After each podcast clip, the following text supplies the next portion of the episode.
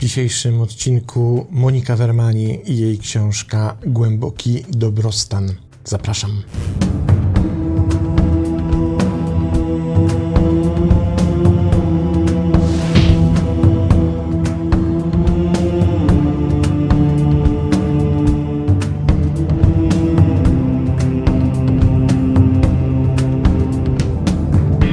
Dowiedzmy się najpierw, kim jest autorka książki. Doktor Vermani jest psychologiem klinicznym, mówcą publicznym, nauczycielem i autorką książek z zakresu zdrowia psychicznego. Specjalizuje się w leczeniu traum, lęków, uzależnień oraz innych powiązanych schorzeń i zaburzeń. Pracowała jako psycholog kliniczny w United Health Network z pacjentami z urazami mózgu i rdzenia kręgowego oraz w Correctional Service of Canada, zapewniając interwencję kryzysową i zarządzanie sytuacjami związanymi z nadużywaniem substancji, przewlekłym bólem, niską samooceną, stresem, nastrojem oraz lękiem. Pracowała również w klinice stresu, traumy, lęku, rehabilitacji i leczenia w Toronto. Dr Vermani jest również certyfikowanym nauczycielem medytacji uważności i zapewnia indywidualne i grupowe szkolenia w zakresie redukcji stresu i terapii poznawczej opartej na uważności. Uczyła praktyk oddechowych żołnierzy armii USA, ratowników 11 września w Nowym Jorku i weteranów wojennych w Watertown w stanie Nowy Jork. Jak dotąd żadna z jej książek nie została opublikowana w języku polskim, a książka, którą omawiamy dzisiaj, miała swą premierę w 2021 roku.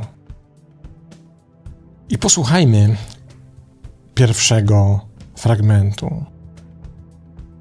Pierwszym krokiem do wykuwania głębszego dobrego samopoczucia i tworzenia pozytywnych zmian w swoim życiu jest budowanie świadomości.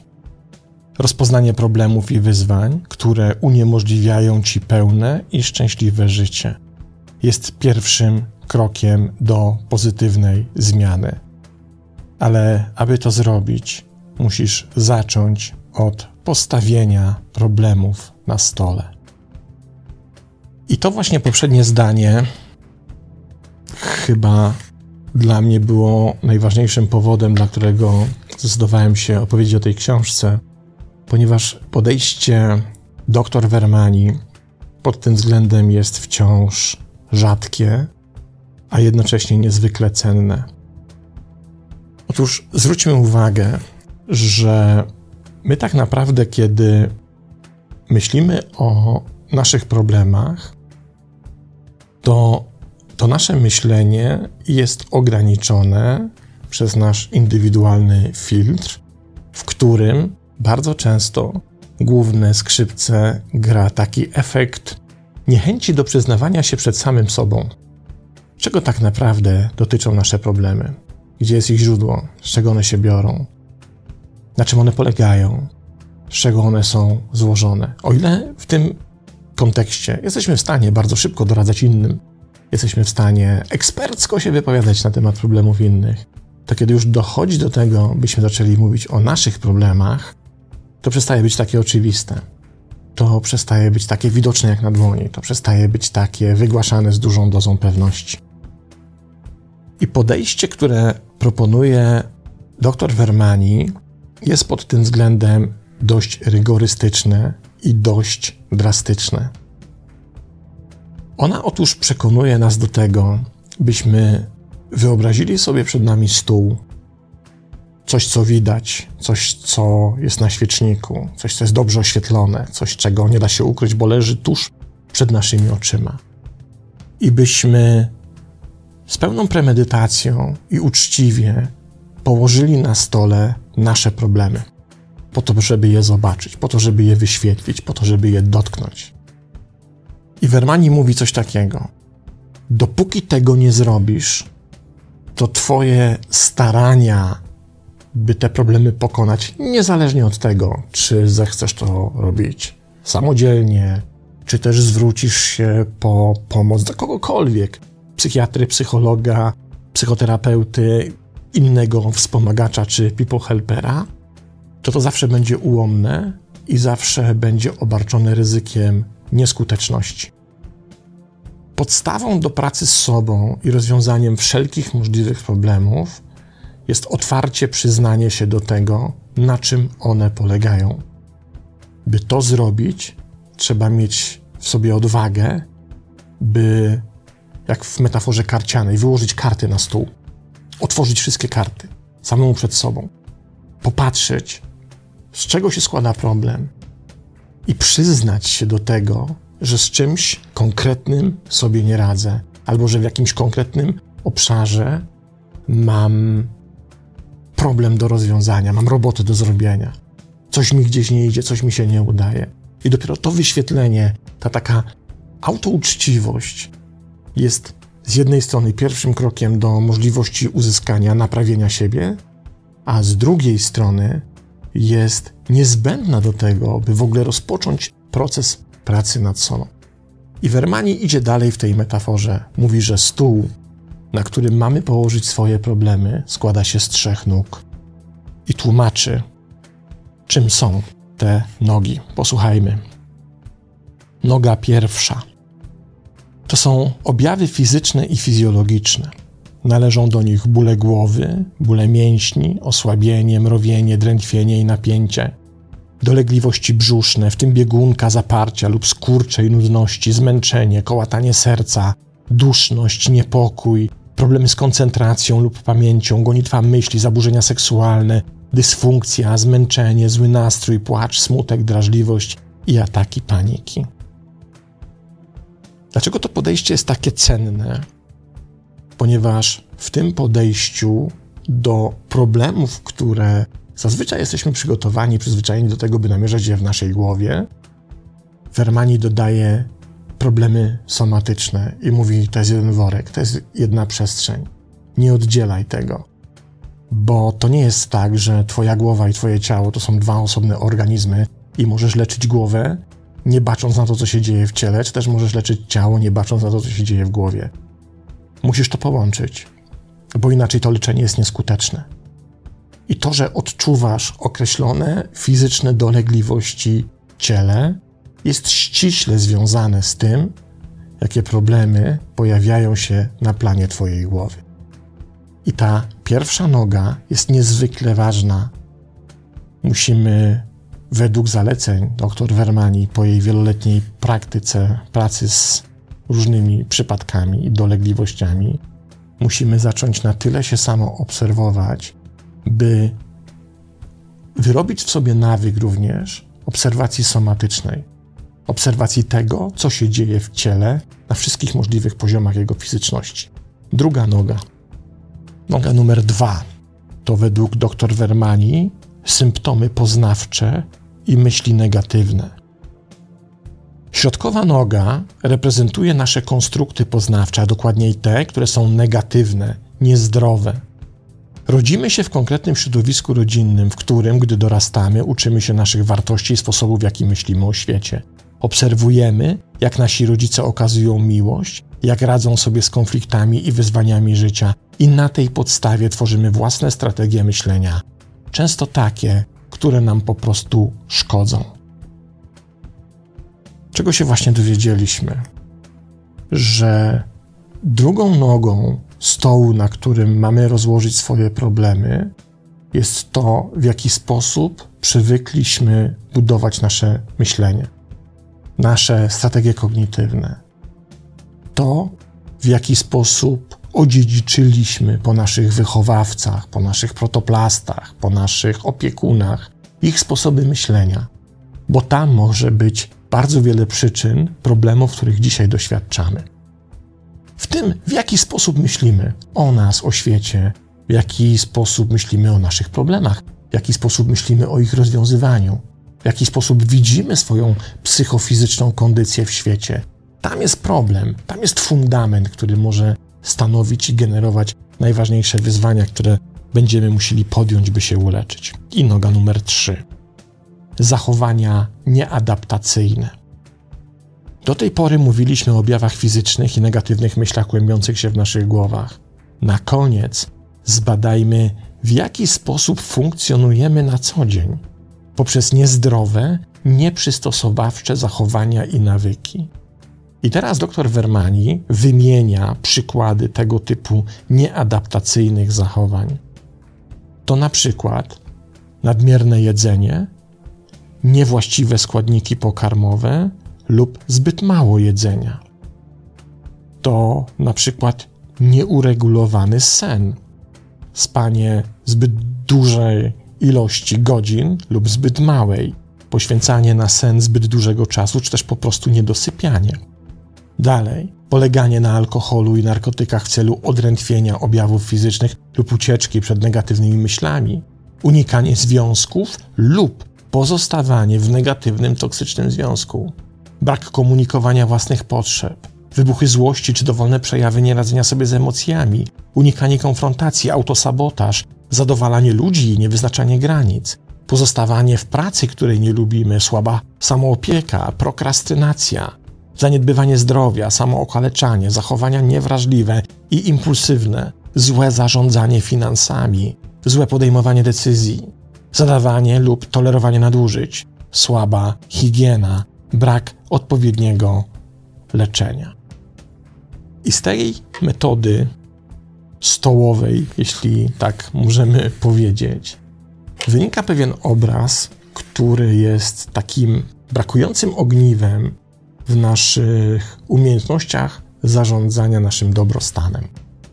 To brakujące ogniwo polega na tym, byśmy nie tylko deklaratywnie, nie tylko z nazwy patrzyli na siebie holistycznie. Ja wiem, że to słowo robi olbrzymią karierę i już tak naprawdę lodówkę człowiek otwiera i słyszy o holistycznym podejściu, ale to jest pustosłowie. To za tym, za tym słowem, za tym określeniem tak naprawdę niewiele jeszcze idzie. Chodzi o to, by to było rzeczywiste podejście holistyczne do nas samych, byśmy potraktowali siebie jak holon, czyli jak jeden spójny organizm integralny, w którym nie dzielimy się na fragmenty, nie idziemy się leczyć na głowę i osobno na ciało, osobno na takie doznania i osobno na takie doznania. Byśmy wreszcie zaczęli patrzeć na siebie jak na całość. I ta perspektywa całościowa nagle nas przekonuje, że ojej, skoro ja się źle czuję fizycznie, to być może przyczyną tego mojego złego fizycznego samopoczucia jest coś, co ma swoje źródło w sposobie mojego myślenia albo w nieumiejętności zarządzania moim systemem emocjonalnym. I w drugą stronę, to, że ja sobie nie radzę z emocjami, może być pochodną tego, w jaki sposób ja nie potrafię odpowiednio uregulować funkcjonowania swojego organizmu na poziomie somatycznym. Że to, że doświadczam jakichś rodzajów problemów na poziomie psychicznym, może mieć ścisły związek z moim trybem życia, z tym, w jaki ja sposób żyję, w jaki ja sposób jem, w jaki ja sposób śpię, w jaki ja sposób prowadzę aktywność fizyczną. To jest wszystko jeden organizm, gdzie my bardzo często popełniamy potężny błąd. My szukamy przyczyn tylko w jednym obszarze. Widzimy, że jest problem na poziomie głowy i szukamy przyczyn w głowie. A dr Vermani mówi: Twój problem na poziomie głowy może mieć przyczynę w ciele. Twój problem na poziomie ciała może mieć przyczynę w konceptach myślowych, w konceptach pojęciowych, które stosujesz, do których jesteś przyzwyczajony, czy których stosowania cię nauczono. Kiedy popatrzymy na siebie jako na jeden organizm, nagle te klocki zaczynają się układać. Nagle widzisz, że nie czujesz się dzisiaj kiepsko bez powodu. Nagle widzisz, że nie radzisz sobie z emocjami w określonych sytuacjach. Również z konkretnych, określonych powodów, które znajdują się w zupełnie innym obszarze niż do tej pory sądziłeś czy sądziłaś. Niezwykle cenne podejście i wciąż, a mamy już prawie zaawansowany XXI wiek, niezwykle rzadkie, warto je przemyśleć i wziąć sobie głęboko do serca. Oczywiście Vermani przekonuje nas, że ten system nie tylko może być leczony w ten sposób, który obejmuje to holistyczne podejście całościowe, ale mówi też, że ten system może być całościowo energetycznie uregulowany, że te energie się nawzajem przenikają, energia psychiczna z energią fizyczną, to w jaki sposób traktujemy swoje ciało, z tym w jaki sposób myślimy i z tym w jaki sposób funkcjonujemy na planie emocjonalnym. I kluczem jest uregulowanie tych energii. Posłuchajmy. Stres jest często wynikiem tego, że nasz poziom aktywności przekracza nasze zasoby energetyczne. Kiedy tak się dzieje, mamy dwie możliwości. Możemy zmniejszyć poziom naszej aktywności umysłowej lub fizycznej oraz branie na siebie obowiązków, lub możemy zwiększyć naszą energię. Opcja pierwsza, zmniejszenie poziomu naszej aktywności, często nie wchodzi w grę. Życie wiąże się z obowiązkami czynnościami, które musimy wykonać, aby przeżyć. Musimy iść do pracy i mamy masę rzeczy, które musimy zrobić, aby podtrzymać życie dla siebie i naszych rodzin. Opcja druga, podniesienie poziomu energii ma większy sens i możemy przejąć kontrolę nad tym obszarem. Istnieją cztery źródła energii: jedzenie, odżywianie, sen, odpoczynek, ćwiczenia i oddychanie oraz aktywne utrzymywanie spokojnego stanu umysłu, rozwiązywanie problemów zamiast ich unikania. Często nie zdajemy sobie sprawy, jak wyczerpani jesteśmy, jak bardzo wszystko, co bierzemy i niesiemy, wyczerpuje naszą energię. Stąd ważne, by oprócz wyregulowania jej poziomu i zadbania o jej zasoby, nauczyć się racjonalnie nią gospodarować. Jednym z narzędzi, które temu służy, jest technika STOP. Prosta metoda wprowadzania uważności do codziennego życia i za jej pomocą regulowanie zużycia energii. Po prostu zatrzymaj się, weź oddech, obserwuj siebie w tej chwili, robiąc jedną rzecz z całkowitą obecnością, następnie kontynuuj swój dzień. To akronim od słowa STOP, czyli S jak stop, T jak take a breath, O jak observe i P jak proceed, czyli proceduj, kontynuuj to, co masz robić dalej. Oto jak to działa. Zatrzymanie się wyrywa nas z rozmyślań i samokrytycznej rozmowy. Wzięcie oddechu utrzymuje nas w tej chwili i tam nas zatrzymuje. Ugruntowuje nas i trochę relaksuje. Obserwacja siebie pozwala naprawdę doświadczyć chwili pełnej obecności i połączenia ze sobą.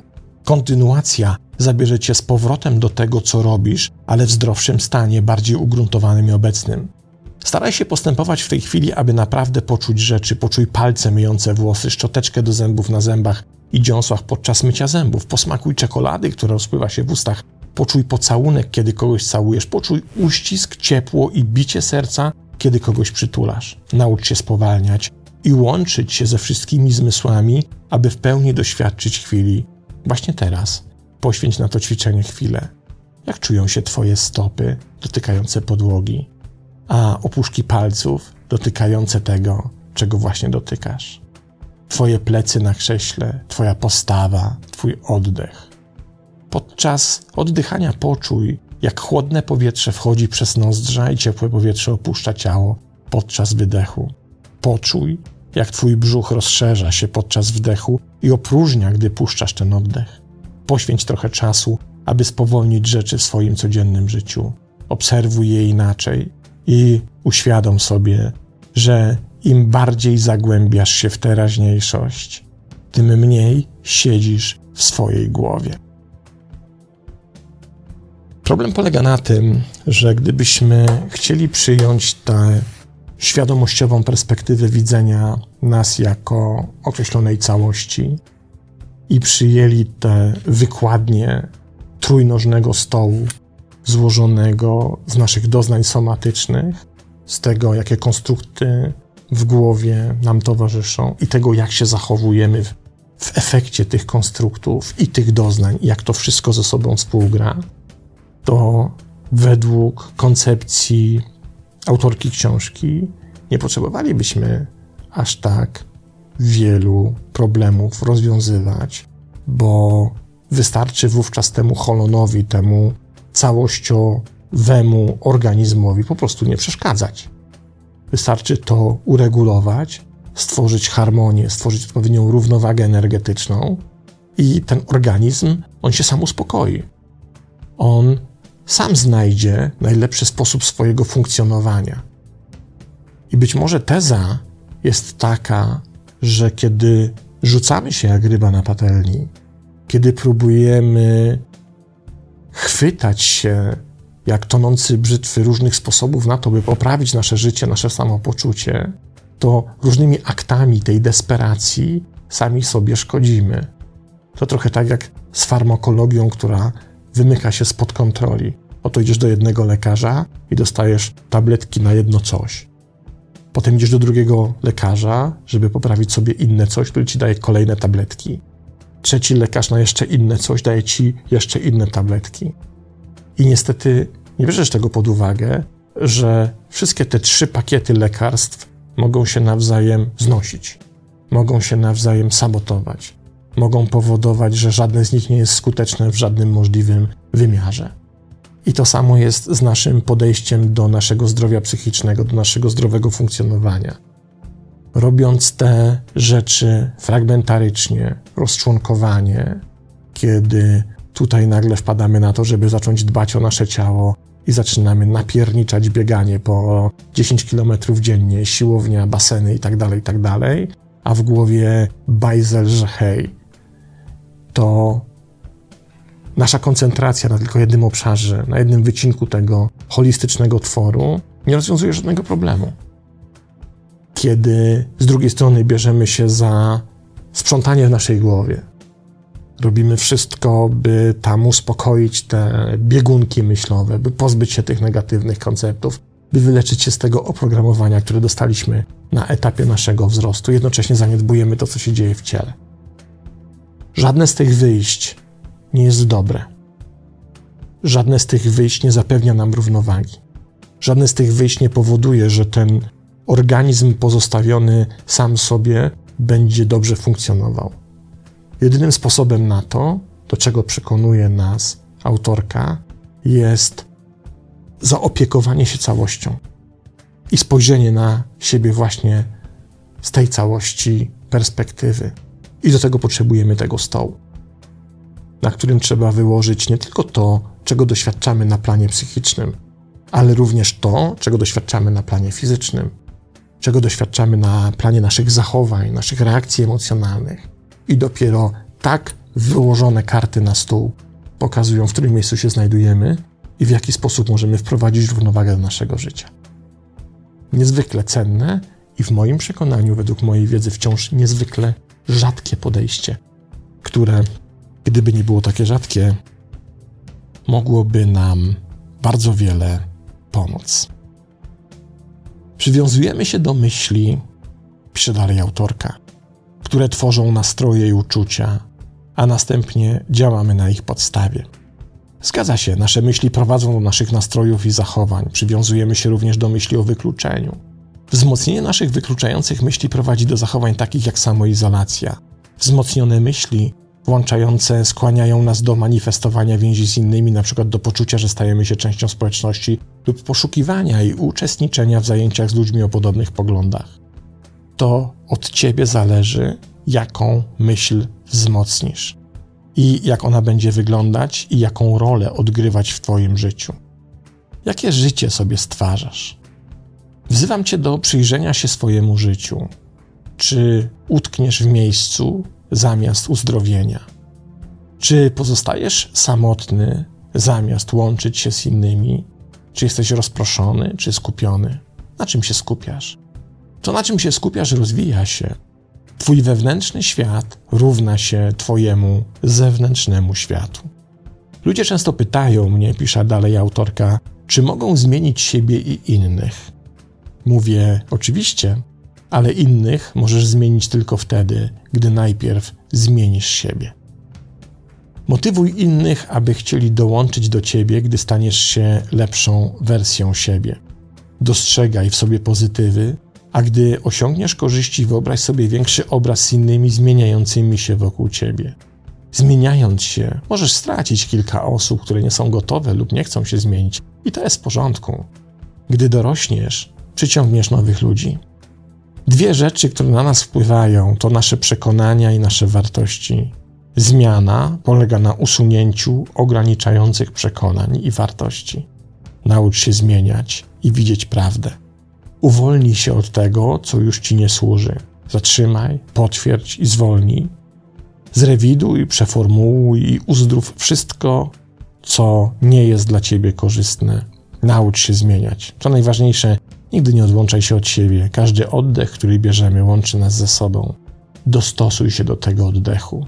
Każdego dnia uczymy się i rozwijamy. Uwolnij się od bycia ofiarą. Twoja podróż do wolności polega na tym, że decydujesz się żyć swoim najwyższym i najlepszym ja w każdej chwili każdego dnia. Wezwij swoje najlepsze ja. Wyobraź to sobie, poczuj to, znajdź to, zamanifestuj. Czas przestać istnieć i zacząć żyć.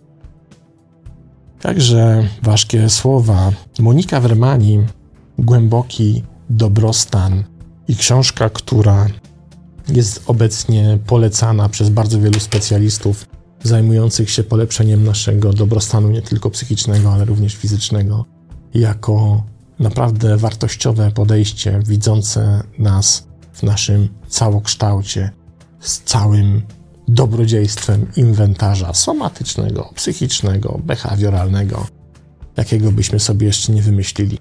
Myślę, że cenną nauką po tej lekturze jest próba spojrzenia na siebie właśnie z tej perspektywy całościowej, i to może być niezwykle uzdrawiające spojrzenie. To tyle. Bardzo serdecznie polecam Monika Wermani, Głęboki Dobrostan 2021 rok. To tyle. I do następnego razu. Pozdrawiam.